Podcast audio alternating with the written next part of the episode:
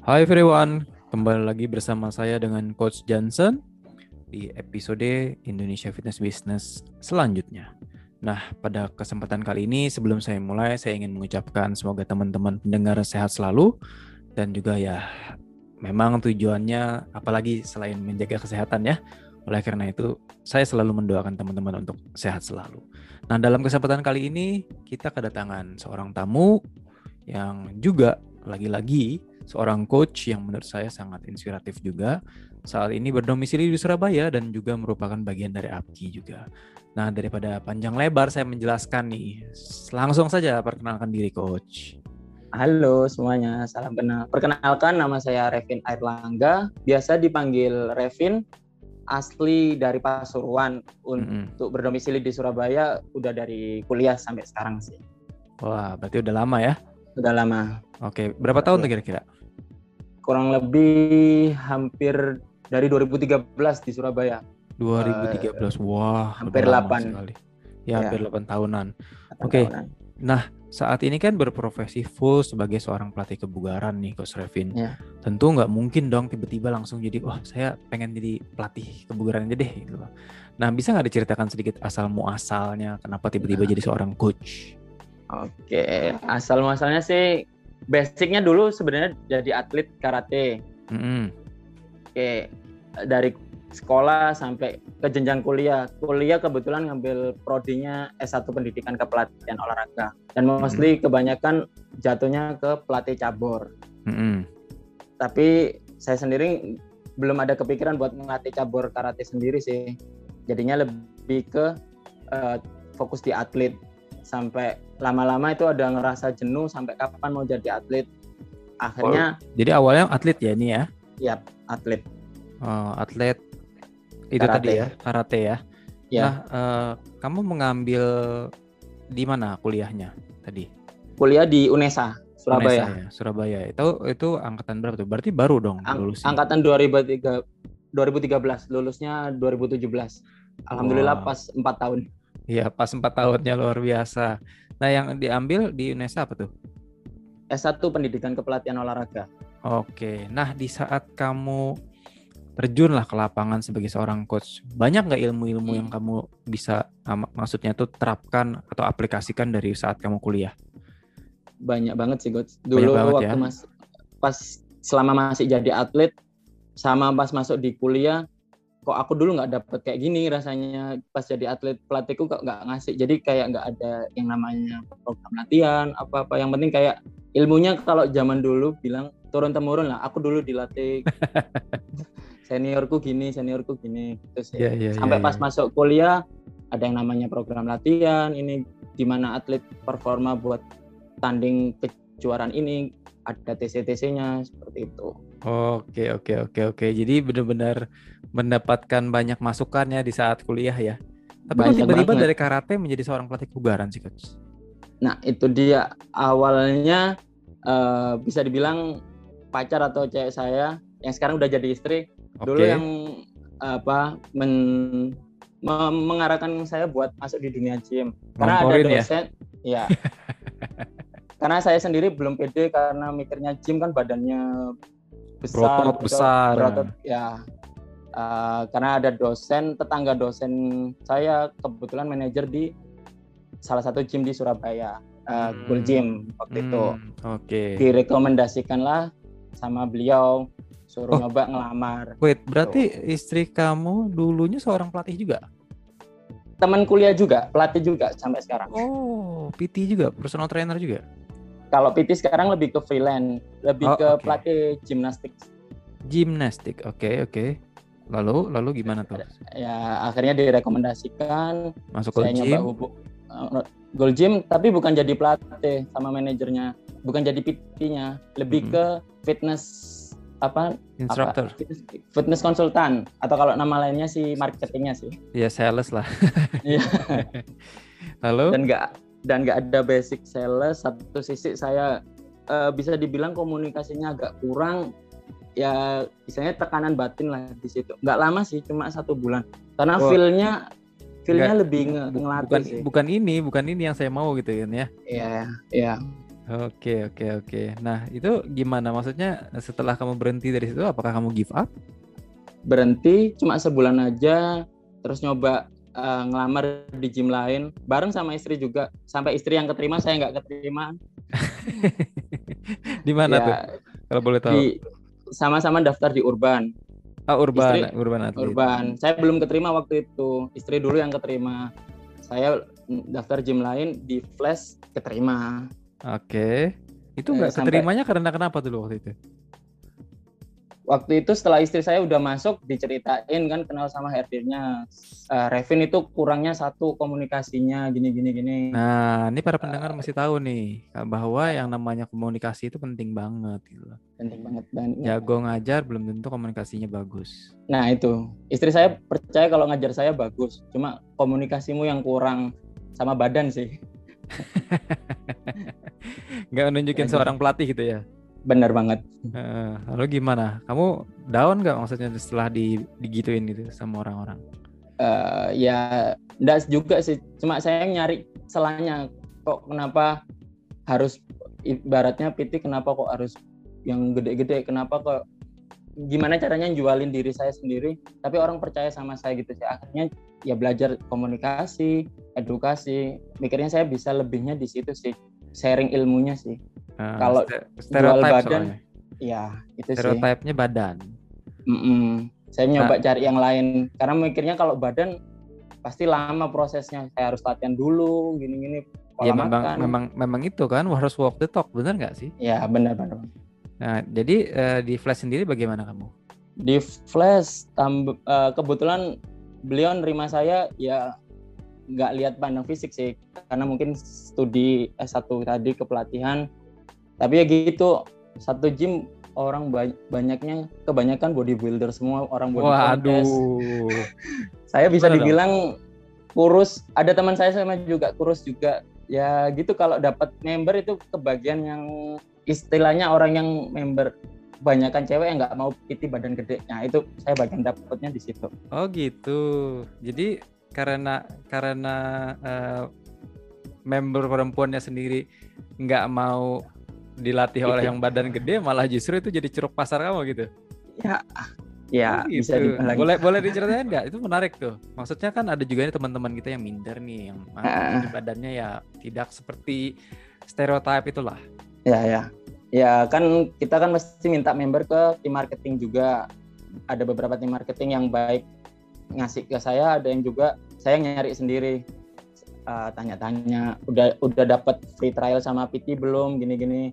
Yang ngobrol-ngobrol saya apa servis kasih uh, fit test ibaratnya kayak gitu. Terus beliau cerita sendiri aku lebih nyaman PT yang kayak kamu mas.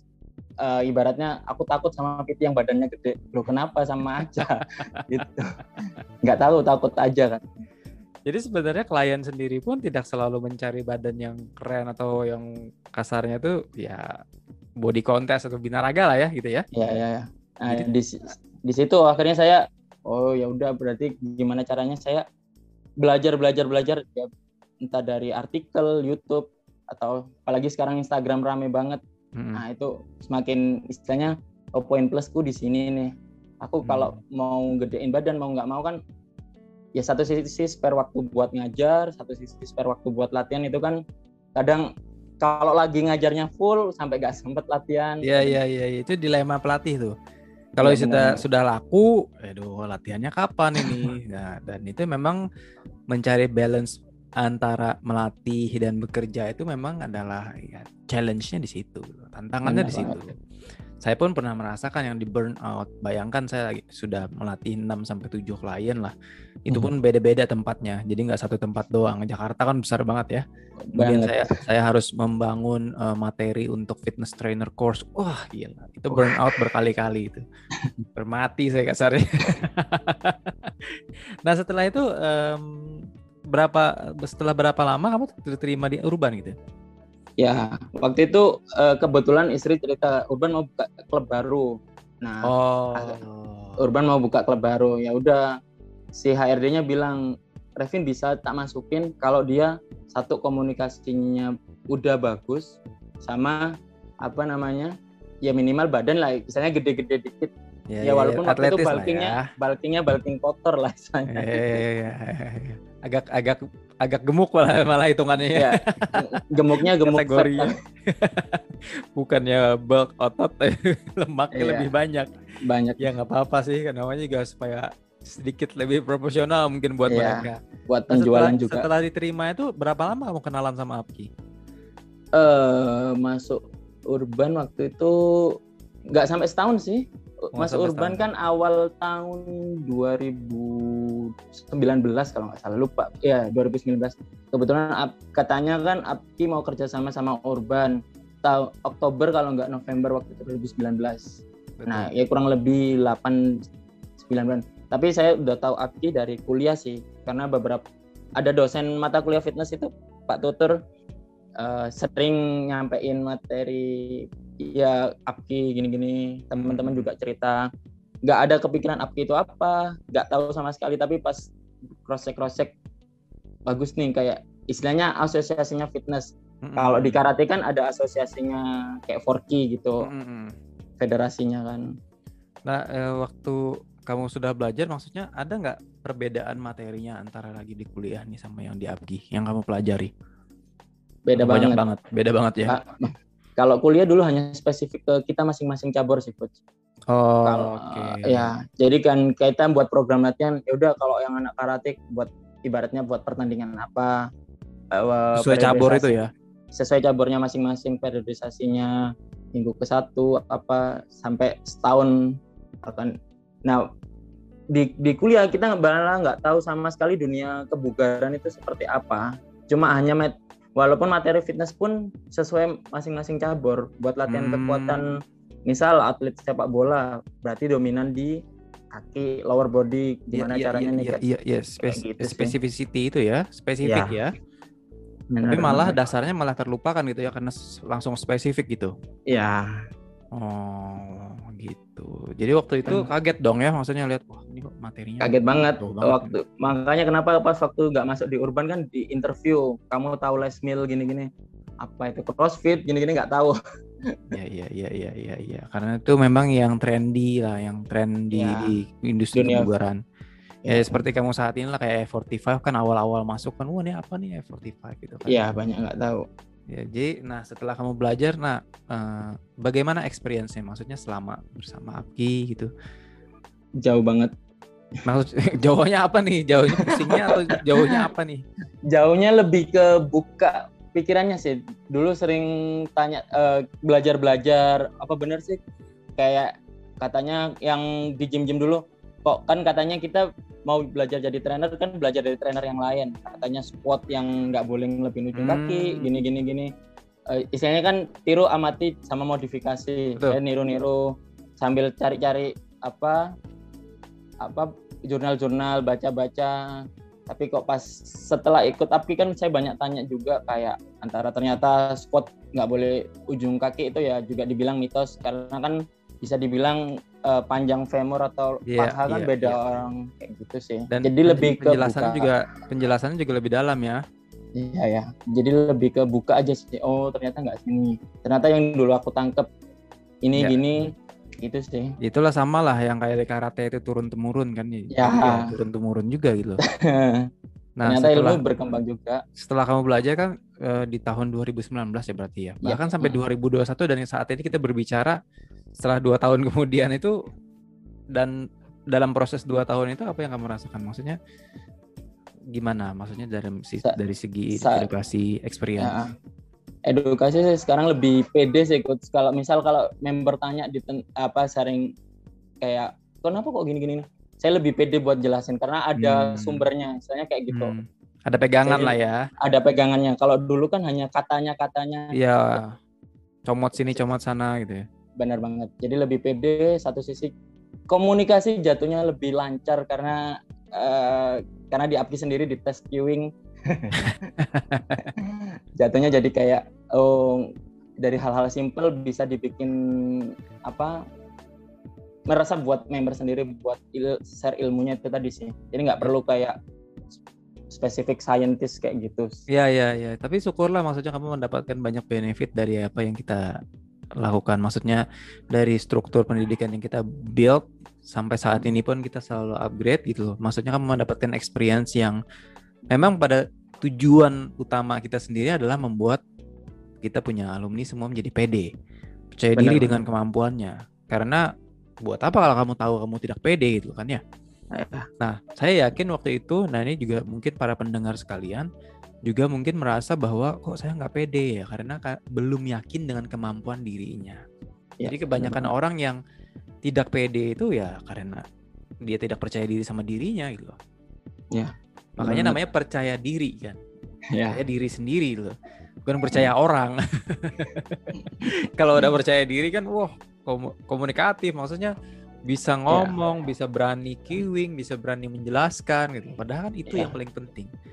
Benar maaf banget. kata nih, maaf kata nih. Salah pun kalau percaya diri itu terdengar seperti benar. Benar. Padahal Tapi kadang kita harus bertanggung jawabkan. Ya. Ya, kadang ya. udah terlanjur ngomong, apa tadi bener nggak ya? Kayak gitu sih seringnya. Cuma ya bener banget sih coach. Apalagi dulu selesai kurs kan coach Jensen sering bilang saya sharing juga. Gak usah takut, gak usah minder. Kamu punya kelebihannya di situ.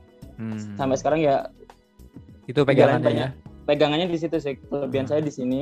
Uh, kalau orang lain nangkepnya PT kok badannya gini ya udah saya nggak usah ngurusin omongnya itu saya belajar kayak kelebihannya saya di apa saya belajar kayak ngerasa kurang ya itu sih yang saya tekunin sih maksudnya hal-hal yang saya sukai itu lebih kayak menurut istri saya kamu ahli yang hal-hal yang kamu sukai itu sih memang begitu memang harus fokus di apa yang kita sukai dulu kasarnya mm -hmm ya kalau kamu suka sesuatu dan kamu mengerjakannya itu jadi tidak keberatan gitu. Kamu bener, mau bener. berani berkorban untuk hal-hal tersebut gitu. Daripada kamu misalnya jago manjat, kamu disuruh berenang ya bener. mana bisa gitu loh. Ya, ya. Boleh bisa berenang juga gitu loh. Tapi kan kamu dilahirkan untuk memanjat lah kasar kayak gitu ya. atau terbang gitu. Jadi di di, di API sendiri sebenarnya kita yang namanya uniqueness, individuality, suatu ciri khas masing-masing itu justru saya nggak mau ilangin. Justru yeah. misi kita tuh adalah supaya embrace your uniqueness, tapi punya basic yang kuat. Benar. Bahkan di Fitness Embassy sendiri style melatih coachesnya beda-beda. Banget. Nah, seperti Revin, jagonya apa? Circuit training dengan konsep high T misalnya. Atau misalnya kamu suka yang ada juga yang suka CrossFit, ada juga suka powerlifting, ada juga suka yang ya banyak lah kettlebell gitu loh. Ya, jadi ya. kita nggak memaksakan si A harus jadi si B, si B jadi si C yang enggak. Ya. A jadi A aja, ya. B jadi B aja.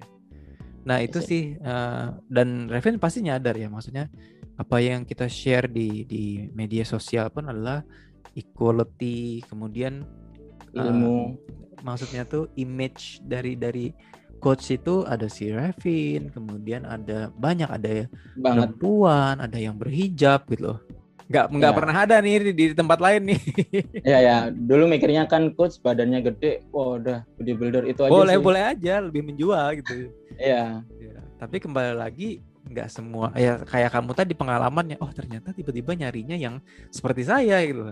Ya, ya itu sih akhirnya, oh ini nih ternyata ada. Ya walaupun bisa dibilang dapat lemparan member-member yang tapi ya, iya, dapat iya. tapi justru yang orang-orang kayak gitu malah yang istilahnya lebih menghargai kita uh, dalam artian dia nggak memandang fisik tapi benar-benar dia mau mendengarkan apa yang kita jelasin pas ngajar. Dan itu kalau dia terapin dan mereka merasa berhasil itu poin kebahagiaan sendiri sih coach. Aku ngerasa oh very nice jadi dengan dengan member yang tidak melihat secara fisik pun dan mau hmm. mendengarkan apa yang kamu ucapkan, Bagi... yang sarankan atau advice itu hmm. merupakan suatu kebahagiaan ya.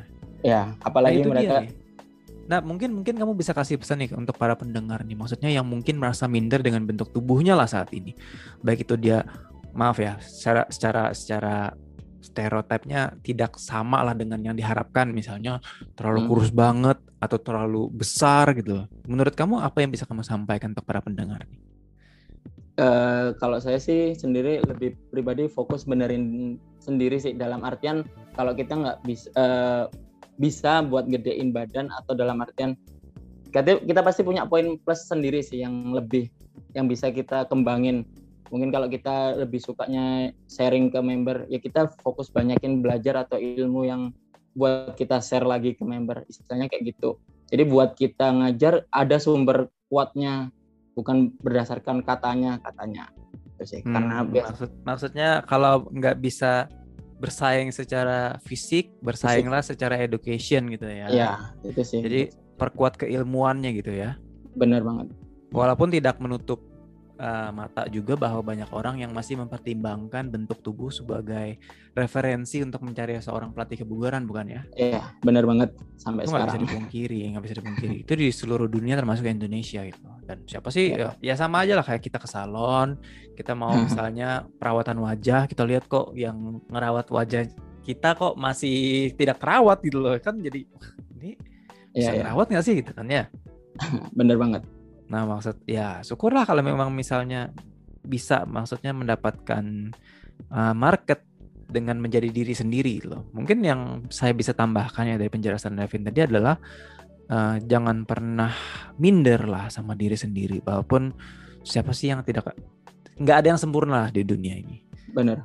Pasti ada yang kurangnya gitu. Jadi ya. bagaimana kita bisa menjadikan kekurangan menjadi kelebihan dan me membuat kelebihan itu menjadi semakin lebih lagi sih kalau menurut saya. Bener banget sih. Ya. Karena ada saya sendiri lagi? Oh, uh, ada. Kenapa kamu sharing sih? Ya, boleh, kan, boleh, boleh, boleh.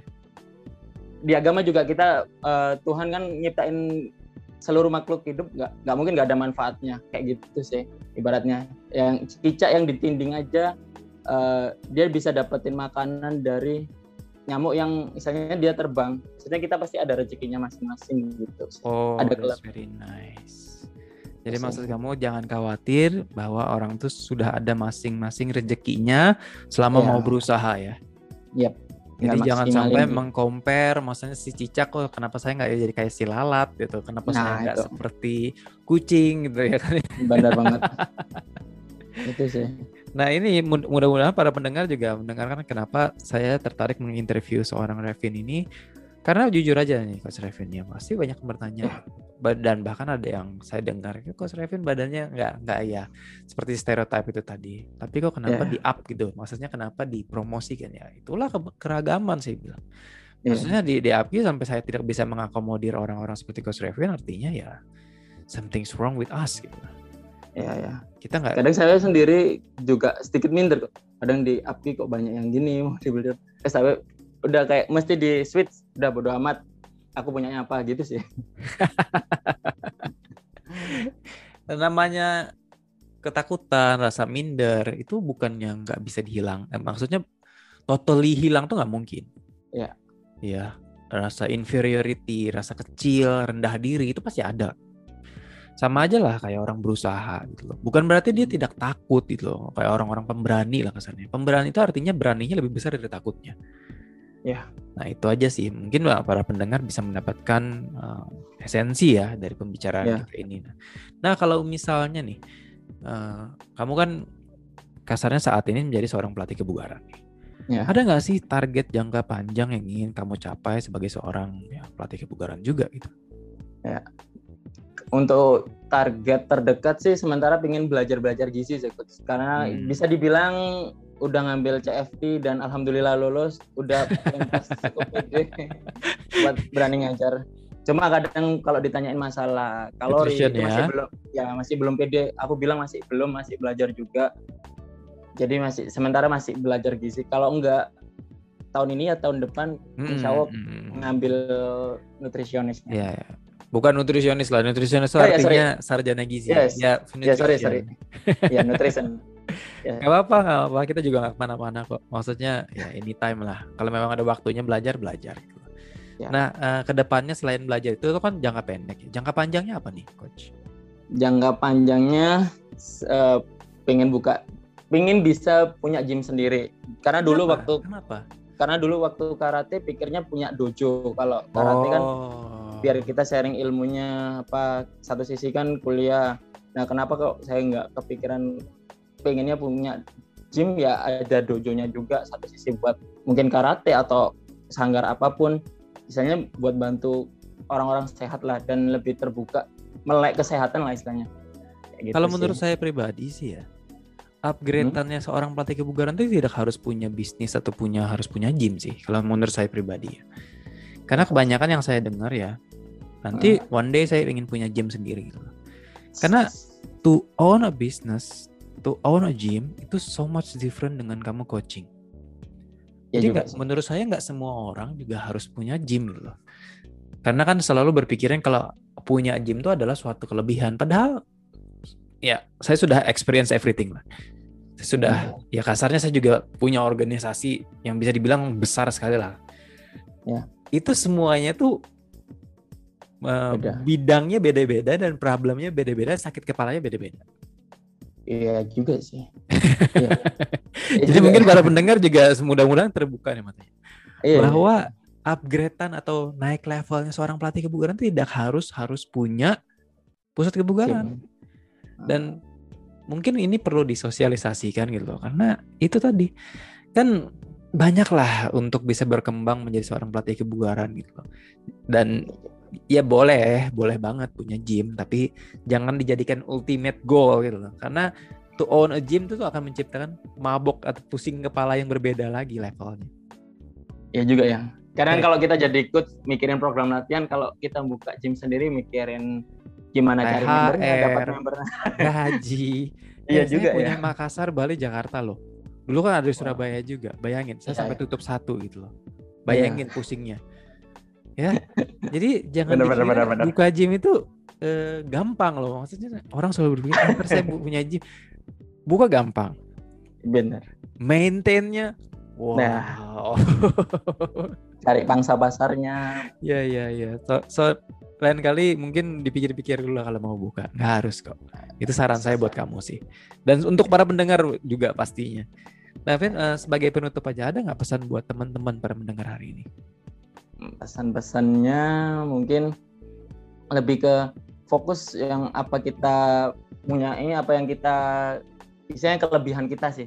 Itu bisa kita kembangkan sampai ada masa di mana benar-benar kita bisa nikmatin kelebihan itu ya emang capek di awal sih. Tapi ada masa benar-benar kita nikmatin kelebihan kita. Istilahnya kita enjoy dengan kelebihan kita fokus sama kerjaan kita itu sih. Oh jadi maksud kamu tuh mungkin saya perjelas ya. Mungkin yeah. maksud kamu tuh adalah Fokuslah pada apa yang kamu sukai Atau benar-benar uh. bidang kamu gitu ya. Benar Misalnya kettlebell, ya. kettlebell dikuatin gitu kan ya. Iya. Kalau passionnya di sini ya. Ya biasanya di dunia olahraga sih. Hmm, iya, jadinya iya, iya. di gimana saya berkembang di situ.